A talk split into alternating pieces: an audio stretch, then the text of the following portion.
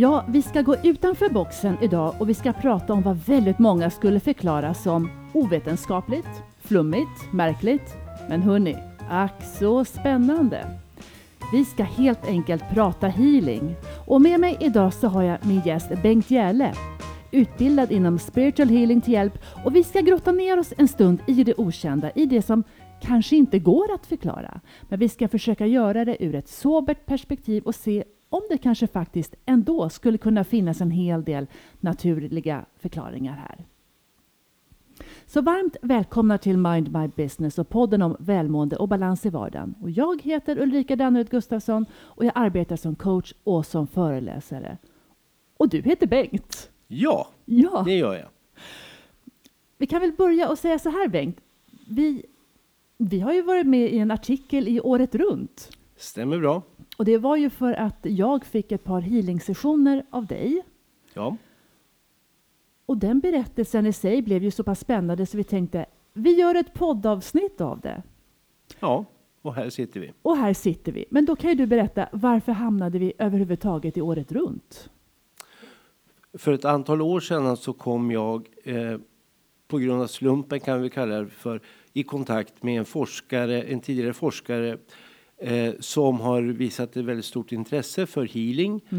Och hon blev kontaktad av den här journalisten men tyckte att eh, jag var bättre lämpad för att ta det samtalet.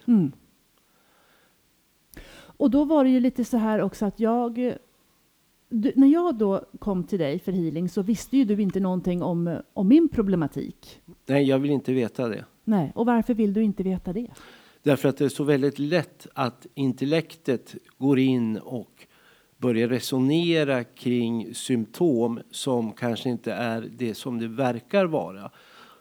Därför är det mycket lättare för mig i mitt arbete med healingen att gå in helt förutsättningslöst och lita på min intuition.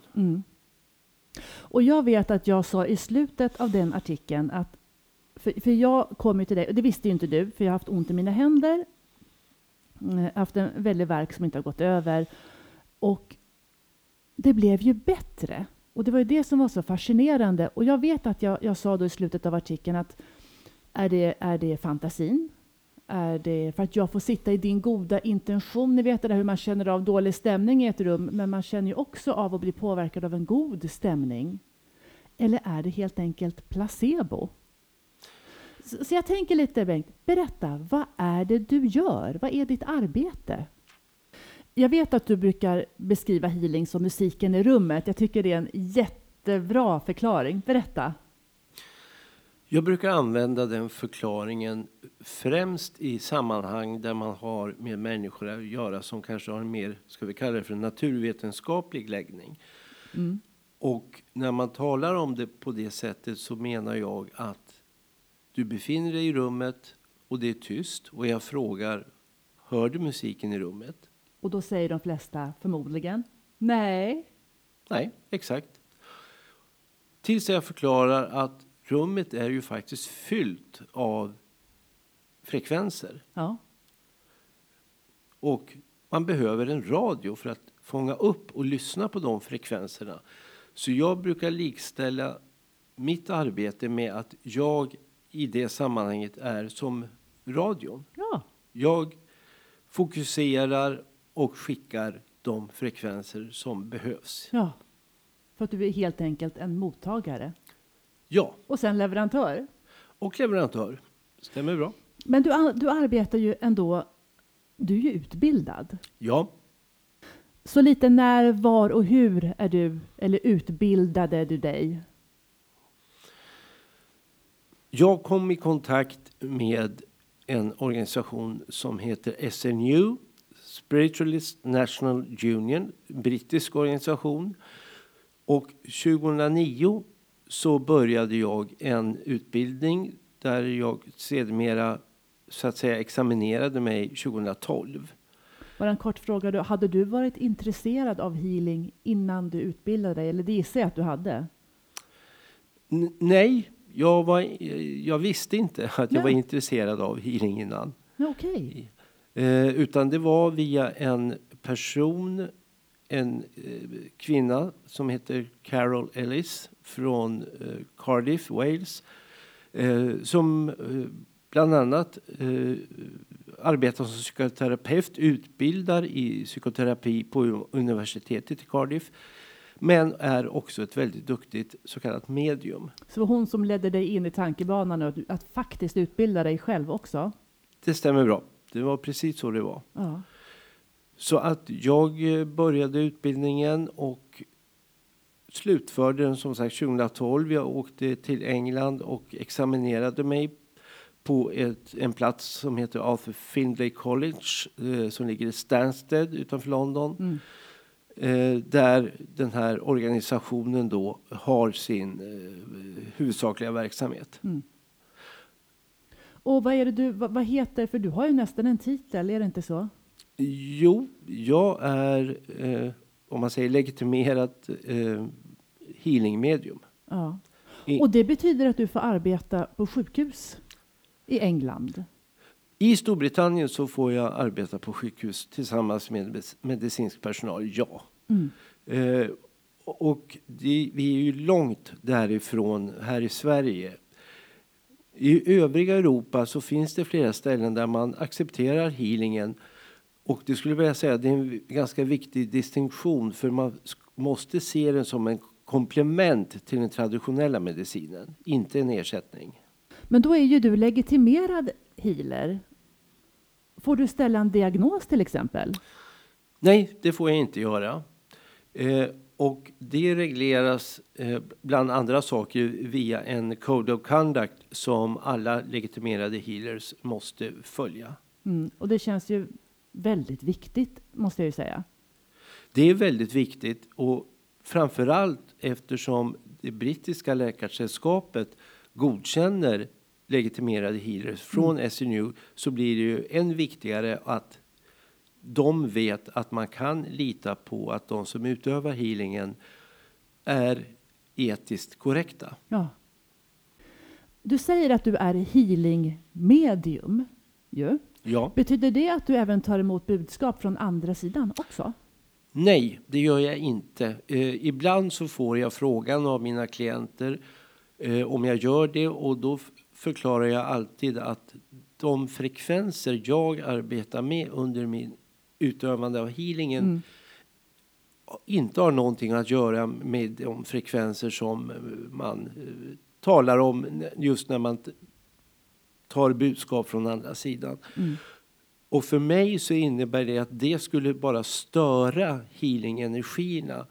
Man arbetar ju på olika frekvensnivåer i de här olika typerna av mediumskap. Ja. Och frekvensnivåer är ju alltid intressant, tycker jag. Ja. Och, och då tänker jag ju genast på olika hjärnvågor vi har. Vi har alfa, beta, delta, gamma, teta och så vidare. Och mycket förenklat så är det ju kanske då... Ja, delta är väl kopplat ofta till djupsömn, men teta är ofta till starka emotionella känslor och fantasi och kreativitet. Och jag tänker lite, var tror du att du hamnar? Vet, har du funderat på det?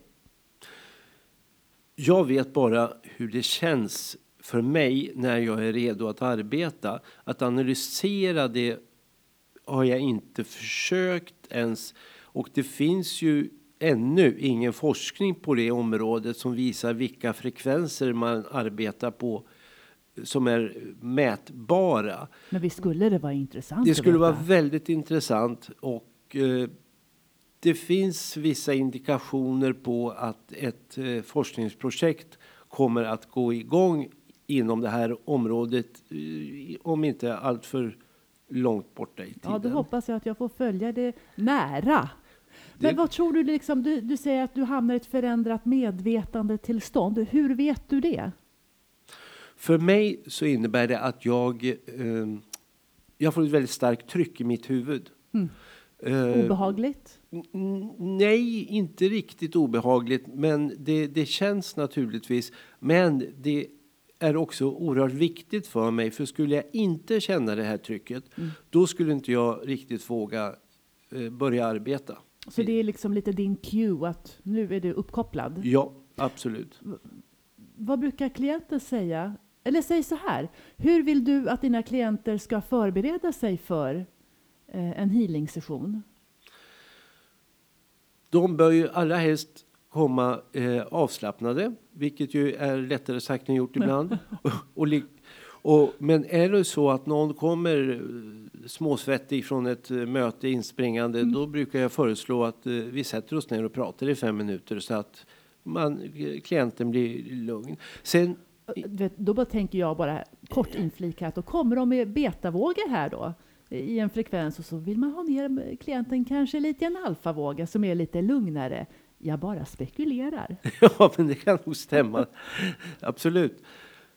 Och det som är också viktigt för mig är att klienten inte har några förväntningar. En, st en stor del i det här är att slappna av och låta det komma som kommer. Och ändå så kommer ju alla med förväntningar, eller hur? Självklart. Ja. Eh, det är ju väldigt svårt att undvika att ha förväntningar och framförallt inför ett första möte med mig. Mm. Alla reagerar ju så väldigt olika på det här eh, så att man måste försöka att slappna av. Eh, förväntningar är ju naturligtvis väldigt svåra att ändra på så att säga. Men jag brukar förklara att healingen kommer så på otroligt många olika sätt. Eh, och man ska, helst, man ska inte låsa sig utan en del upplever värme, andra kyla, en del ser färger. Och så och, finns det väl de som inte upplever någonting alls? Ja, och upplever man inte någonting alls så brukar det i varje fall innebära en djup avslappning. Jag brukar ibland kalla det för att man får en mental massage. Åh, vad härligt. Ja, visst. Men för jag vet ju när jag kom till dig och vid första tillfället så låg jag mest och funderade. Vad känner jag här och vad känner jag där?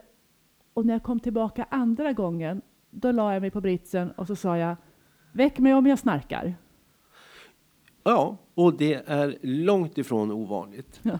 Eh, jag brukar alltid rekommendera två besök åtminstone. Eftersom, precis som du säger, så vid första tillfället, även om jag försäkrar om att det inte kommer att hända någonting konstigt, så ligger man ändå och funderar. Var är jag nu? Vad ska hända sen? När är det färdigt? Mm. Gång nummer två, när du kommer, då kan du rutinen. Så ofta så lägger man sig på britsen och somnar. Vad skönt. De flesta tycker det. Och det är klart att en brännande fråga måste ju ändå vara kan healing vara farligt? Nej. Kan det gå fel? Nej, nej. Healingen kan inte gå fel.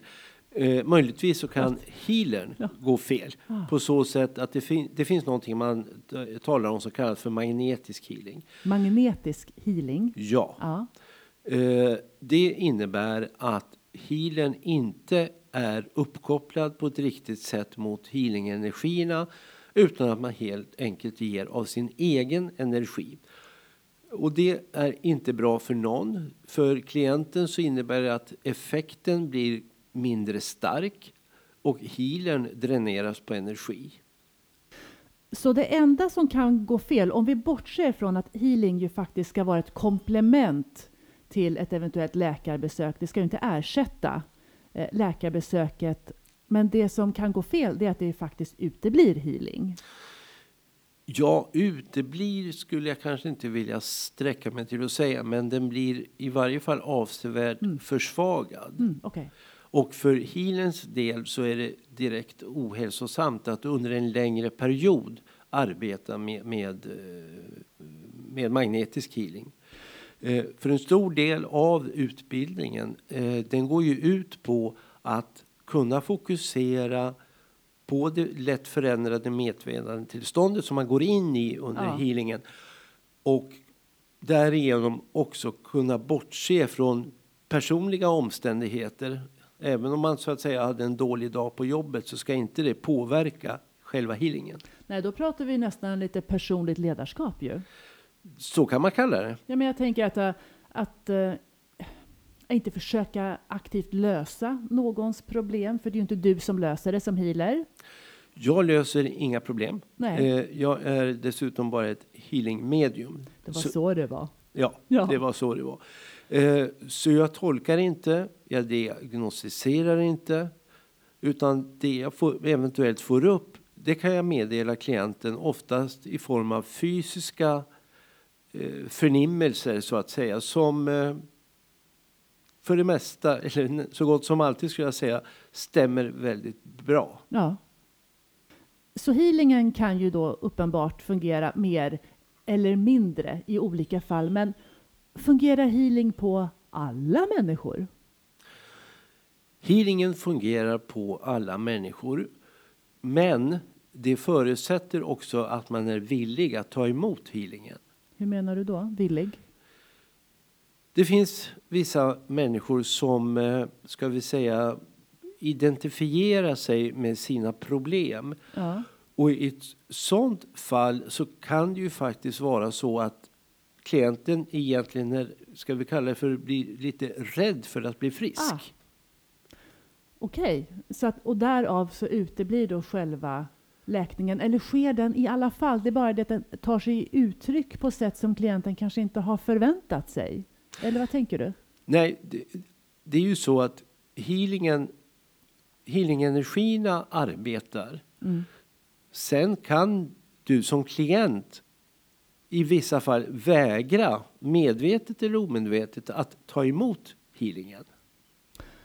Aha.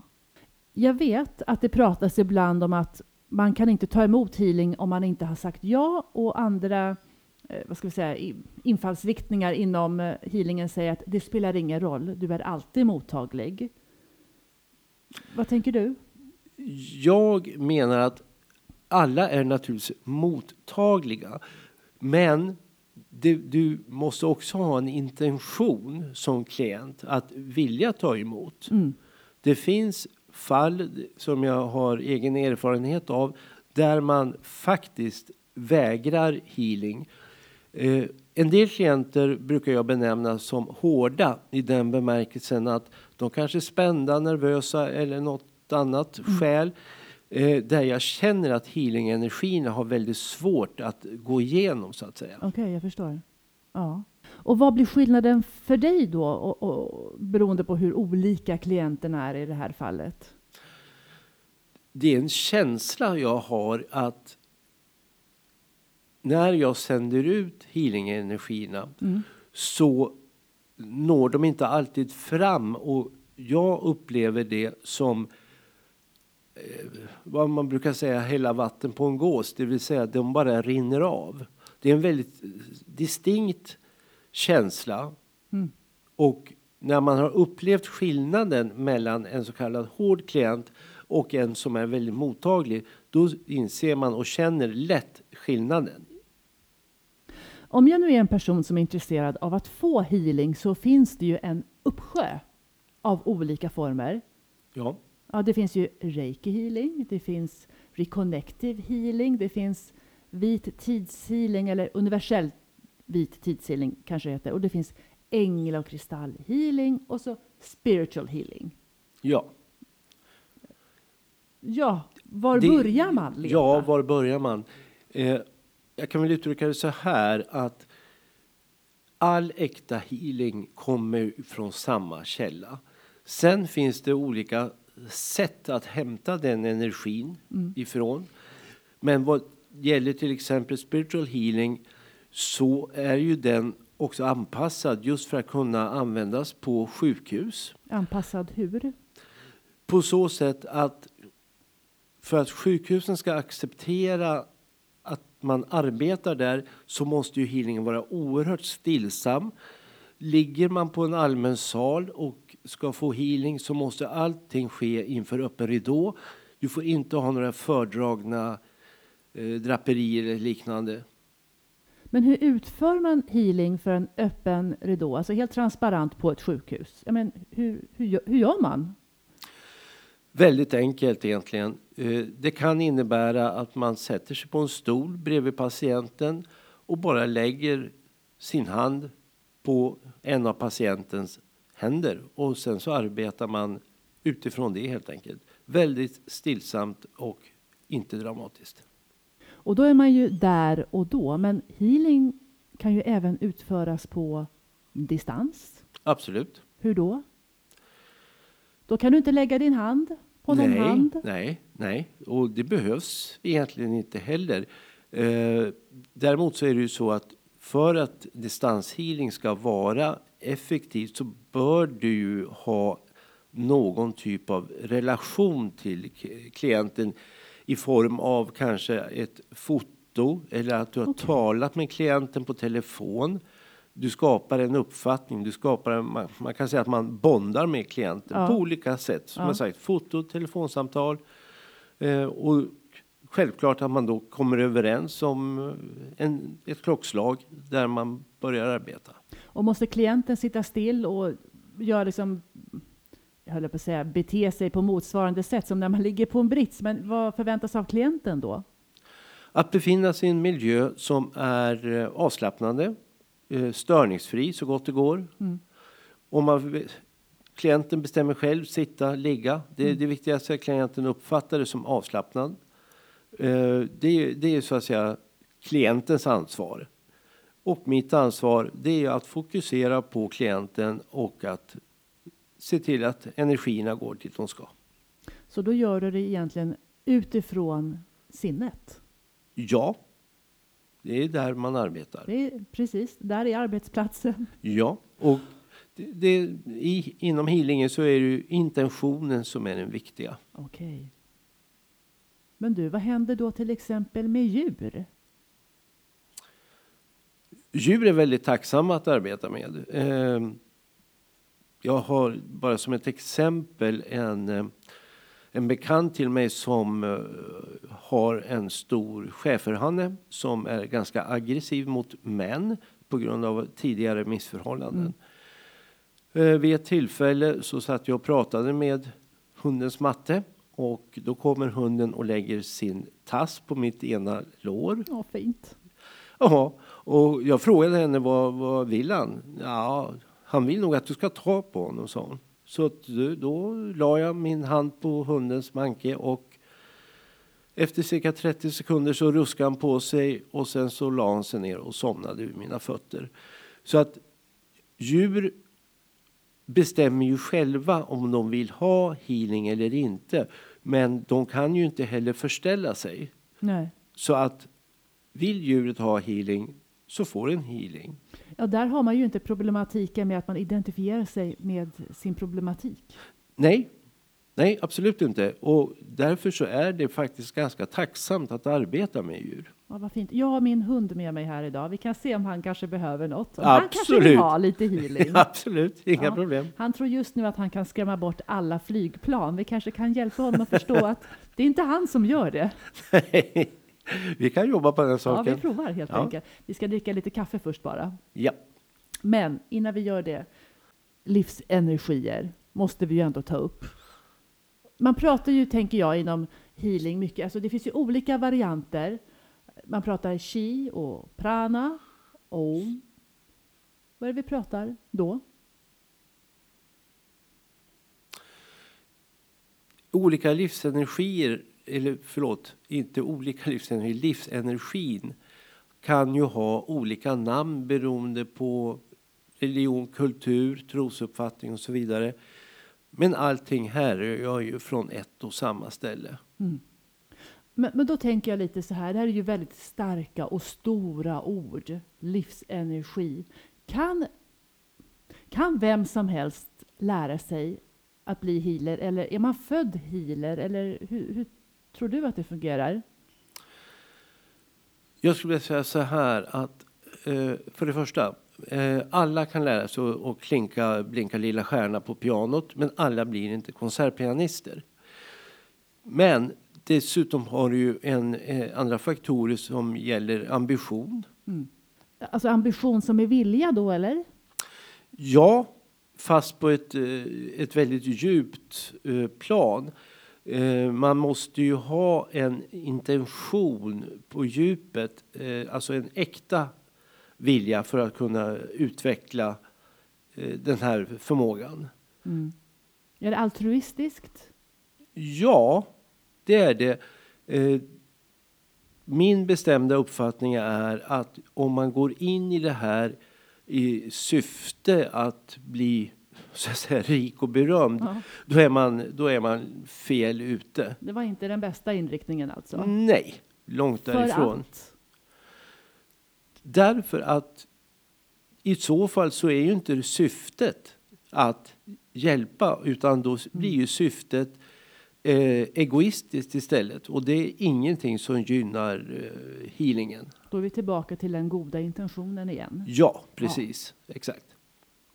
Ja, så summa summarum. Vad, vad, vad tror du, Bengt, att, eh, att healing tillför i vardagen?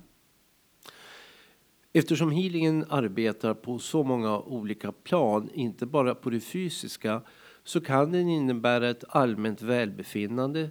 Jag har haft klienter som efter några behandlingar har fått en, som de själva säger, en klarsyn på tillvaron genom att man tittar på sin situation från lite olika perspektiv.